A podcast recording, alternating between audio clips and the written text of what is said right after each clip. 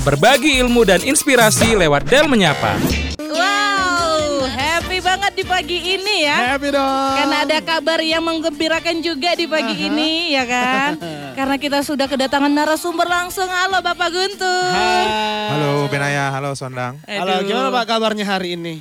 Ya sehat, ya, semangat Pak. dan Semangat. baik sekali. Dan Baik sarapan sekali. apa tadi pagi Pak? Tadi pagi sarapan roti. Oh, Waduh. Kalau kami sarapan harapan palsu Pak. jangan kayak gitu dong. Tadi kamu habis sarapan mie gomak, jangan mendustai mie gomak tersebut. Jangan kasih tahu Ben pencitraan ini. Oke nih teman Del, kita bakal ngobrol-ngobrol seru nih sama Pak Guntur seputaran tentang ITDL dong pastinya. Iya, jadi Bapak ini adalah kepala program studi teknik elektro. Mana nih anak elektro suaranya? Yaitu Bapak Petrus, eh, Bapak Guntur Petrus Boy Night. Berarti Bapak suka dengan hal yang mistis atau yang hitam-hitam gitu Pak ya? Kayak malam hari gitu. Mungkin orang tua dulu ya. Oh iya. Ini namanya nama shaming ya. Nama siapa? Tapi nggak apa-apa karena Pak Guntur kan humble orangnya kan. Iya, humble. Terakhir, kena apa kau Ben? jangan dong, jangan digituin juga dong. Oke Pak, kita kembali ke topik ya Pak. Receh sekali memang ini Benaya ya. Eh tadi kan kita bicara tentang program studi dari teknik elektro Pak, ya kan. Ya. Dan kami dengar kabar gembiranya, ini udah punya akreditasi yang biasanya ABC yang aku tahu waktu zaman kuliah. Yes betul. Ya, betul Kok sekali. bisa sekarang dapat akreditasi baik sekali? Maksudnya gimana Pak? Oke, jadi dulu itu akreditasi itu sel- diselenggarakan oleh Ban PT itu Oke. bagian dari pemerintah. Nah, pasca beberapa tahun, 10 tahun, nah itu diserahkan ke eh, inbe- inde- lembaga independen. Jadi kalau di Ban PT itu dulu akreditasinya itu A, B, Iya. dan C gitu. Hmm, oke. Dan yang terakhir tidak terakreditasi. Oke. Nah, setelah dilepaskan ke badan eh, independen dan elektro di sini di Lam Teknik. Nah, di situ pembagian akreditasinya adalah unggul, Oke. baik sekali, Baik sekali. dan baik dan tidak terakreditasi seperti itu. Oke. Jadi intinya sekarang akreditasi program studi teknik elektro itu baik sekali ya Pak. Ya, Betul betul, sekali. Tepuk tangan dulu dong. Wuh, keren.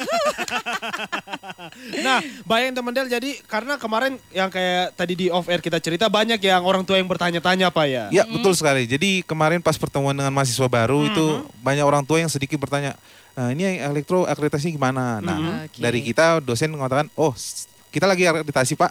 Harapannya kita akan mendapat akreditasi baik sekali." Oke. Oke. Dan Nah, tercapai sekali. Dan tercapai. Yes. Oke Pak, kalau ini kan orang tua nuntut gitu ya, Ah. kayak eh, apa sih pro- apa eh, akreditasi dari program studi teknik elektro kayak gitu ya. Apakah ini juga syarat akan eh, untuk menjadi menantu gitu Pak, akreditasi kampusnya? Oh, Oh, berat sekali. berat sekali nih. Kali ini kita masih ngobrol sama Bapak Guntur Petrus nih, yaitu selaku Kepala Program Studi Teknik Elektro. Hai Pak, masih betah di sini Pak? ya masih nyaman di sini. Masih nyaman. Aduh takut nih kalau nyaman Ben. Jadi ada saingan kita siaran gimana nih? iya juga, tolong untuk ibu produser kita, eh pro- program direktur kita, tolong kita jangan digantikan dulu ya.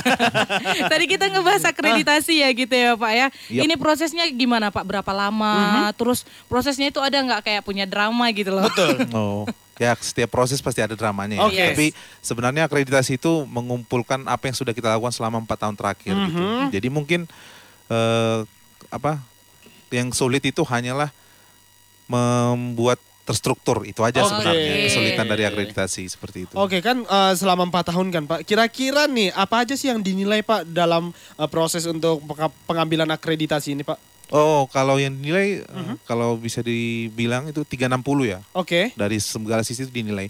Baik itu dari infrastruktur kampusnya, eh, baik itu dari kompetensi dosennya, eh, gimana juga sarana pendukung dari mahasiswanya. Oke. Nah, jadi yang salah satu alasan kenapa elektro itu belum unggul Mhm. Oke. itu adalah terkendala masalah umur dari prodinya itu sendiri. Oke. Oke, karena masih baru ya Pak? masih baru. Oke. Nah, sementara prasyarat unggul itu adalah jumlah dosen itu dokter itu harus lebih dari 50% gitu. Nah, Oke. kita kan belum gitu. Oke. Oke oke oke. Jadi ini ada berapa dosen nih Pak sekarang?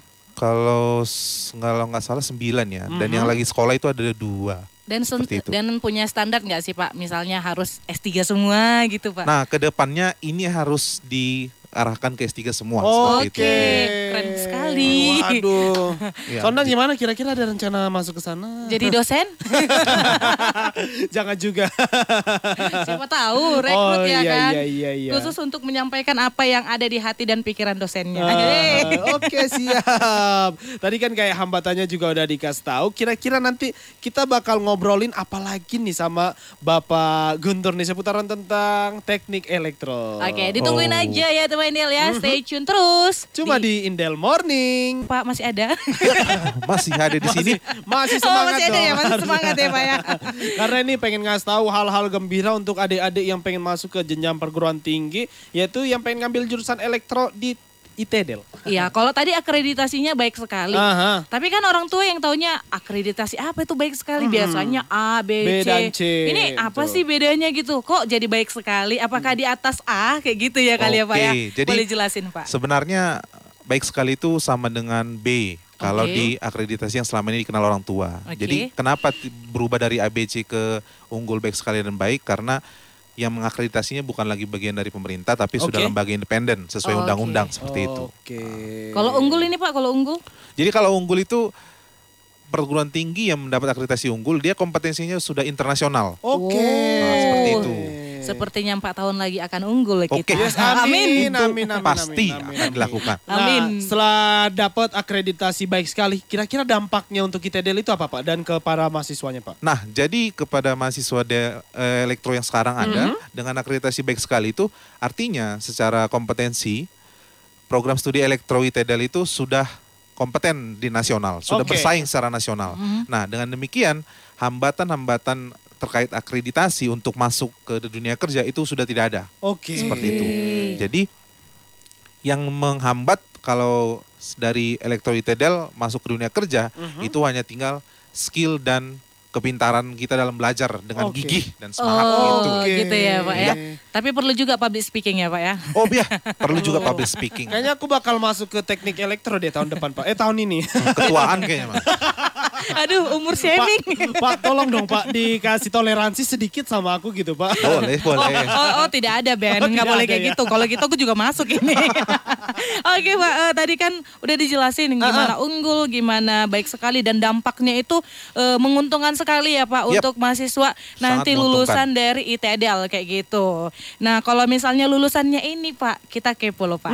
Ini udah di mana aja nih lulusannya? Alumninya dari mana sih Pak? Oh, jadi kalau misalnya dilihat dari usia ya, elektro ITDL itu masih muda ya. Dia jadi Yes. dia itu 2014, sekarang 2023. Aha. Itu baru tujuh tahun Tujuh kan. tahun. Tapi semua alumninya itu sudah ada di BUMN ada, Wow. baik di swasta Wow. juga ada, eh, yang lagi eh, kuliah S2 juga ada. Seperti itu. Kalau nggak salah yang keluar negeri juga ada. Aduh, Aduh. waduh. Makanya kan udah aku bilang tadi Sondang kayaknya kita bakal masuk ke situ nih. Iya, Kayaknya. masuk sebagai apa dulu Ben Naya? Ya nggak apa-apa deh, setidaknya kita ngeliat-ngeliat dulu karena kan kita bisa nyerap ilmunya dari luar gitu. Iya. Iya, jadi kan katanya kalau misalnya ak- setelah akreditasi ini kan Pak, misalnya kan baik sekali tadi udah gitu Yup. ya. Eh, lulusan elektro ini bisa di, di melamar di mana aja gitu ya Pak ya Iya. nanti ya. Enak sekali Pak. Bisa nggak aku ngulang lagi kuliah gitu? Oh. Aduh, aduh, aku juga pengen. Kita kasih kesempatan yang muda-muda lah Oh ya. ya mudah-mudahan. Oh, iya, Nah. Kalau kesempatan yang mudah-mudah nih Pak, kira-kira apa aja nih fasilitas yang bakal disediain sama teknik elektro yang ada di ITDEL? Oke, jadi fasilitas untuk pengembangan ilmu elektro sendiri untuk menggali ke apa skill itu elektro ITDL itu eh, fasilitasnya baik itu laboratoriumnya ma- dan infrastrukturnya itu sudah se- sama dengan nasional gitu. Wow. Jadi lab-labnya itu Udah- perangkatnya semua sudah standar Sudah lengkap ya nasional. Pak, standar nasional juga. Terus fasilitasnya yang lain kalau gini kan Pak mahasiswa, eh, kadang kan orang tua aduh nggak sanggup nggak nih sanggup kuliah di biaya, Del gitu kan betul. biayanya gitu kan. Ada nggak sih Pak kesempatan beasiswa gitu? Nah, itu dia. Jadi bukan hanya kesempatan beasiswa yang ada, tapi dengan semua eh, sarana dan prasarana yang sangat mendukung ini, bahkan beasi, eh, uang kuliah di elektro ITDL itu juga rendah ya dibanding dengan swasta-swasta nasional ya. Wow. Jadi kompetensi kita nasional, tapi uang kuliahnya di merakyat bawah. ya Pak, merakyat. merakyat gitu Betul ya Pak sekali. ya. Waduh. Sangat merakyat. Merakyat sekali kayak yang punya gitu ya Pak ya. Kalau boleh tahu nih kan pasti banyak juga temen Del yang bertanya-tanya kira-kira kalau pengen masuk teknik elektro batas umurnya berapa Pak dari umur terkecil sampai yang paling apa? Minimal, minimal Pak. Dari minimal ke ya? maksimalnya. Sepertinya kalau minimal karena ada juga yang akselerasi kan iya, ya. iya, Jadi hara- dari minimal nggak ada tapi lulus kelas 3 SMA. Oke. Oke. Itulah Karena ya. kalau kayak kayak aku dulu Ben, aku kan lulus SMA itu kan 17 tahun memang kayak gitu. Jadi kalau dibilang 18 tahun kan nggak nggak bagus juga ya kan. Oke. Terus aku setahun nganggur gitu ya. Siapa tahu aku bisa masuk di teknik elektronya gitu Iya, loh. itu tahun udah lama sondang. Jadi ini kita bahas yang baru dulu Siapa sekarang. tahu adik-adik yang lagi dengar, yang lagi liburan gitu ya. Waduh kepikiran aku masuk nih ke teknik elektro ITEDEL nih. Jadi terlambat setahun dua tahun itu nggak masalah. Oke. Oke. Cuman kalau misalnya udah kayak Benaya itu 35 tahun ya iya. jangan lah kan. Pak kok Susah jujur, itu. Pak tunggu kok jujur ya Pak ya. Terima kasih loh sudah jujur. Makasih banyak loh Pak, ini umur shaming loh. Jadi kan kita udah obrolin banyak nih Pak. Di Ah, sini kita udah kasih tahu informasi-informasi penting tentang teknik elektro gitu ya Pak ya. Eh, kita mau inilah Pak, kita denger gitu ya harapan eh, Bapak sendiri, Bapak Guntur selaku eh, kepala Kaprodi gitu ya Pak ya, program studi teknik elektro. Apa sih harapannya ke depan gitu ya Oh. untuk teknik elektro khususnya? Jadi sebelum berharap pasti saya juga eh, sama di dosen-dosen prodi kan buat Aha. eh, apa ya penataan ya Oke. di elektro. Jadi kita sudah menata supaya eh, prodi elektro itu ke depannya Mm-mm. empat tahun ke depan atau lima tahun ke depan itu akan jadi unggul. Jadi Oke. dosennya kita sekolahkan. Amin. Nah di sisi lain himpunan mahasiswanya juga kita benahi Oke. supaya apa? Supaya himpunan mahasiswa elektronya juga bisa berkompetisi secara nasional Oke. seperti Oke. itu dan berkontribusi Oke. secara nyata ke masyarakat di Toba. Oke. Oke, itu harus gitu ya Jadi Pak ya. kita berencana meng-IoT-kan Toba. Oke. Seperti itu. Kayak kayak DLFM ya Pak ya, connecting you to Toba. Ah, beda tipis lah kita berarti. Berarti visi-misi kita beda-beda tipis gitu ya Yap. Pak ya. Caranya aja yang beda.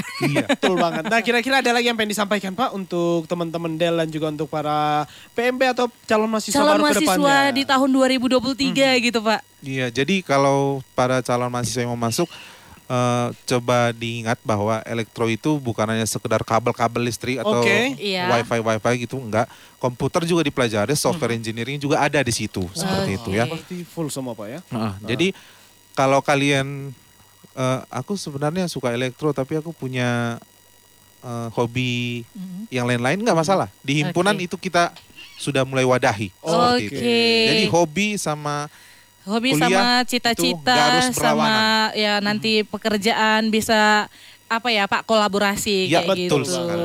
Oke, thank you banget nih buat Pak Guntur yang udah Yuk, datang yang udah sama-sama. cerita-cerita sama kita. sering-sering diundang ya elektro. Boleh Pak, tinggal buat jadwal aja. Aku mau ke radio silakan. Oke. Makasih Pak Guntur Pak. untuk obrolannya di pagi Sondang. ini. Del menyapa. hanya di 92,4 Del FM. Connecting you to Toba.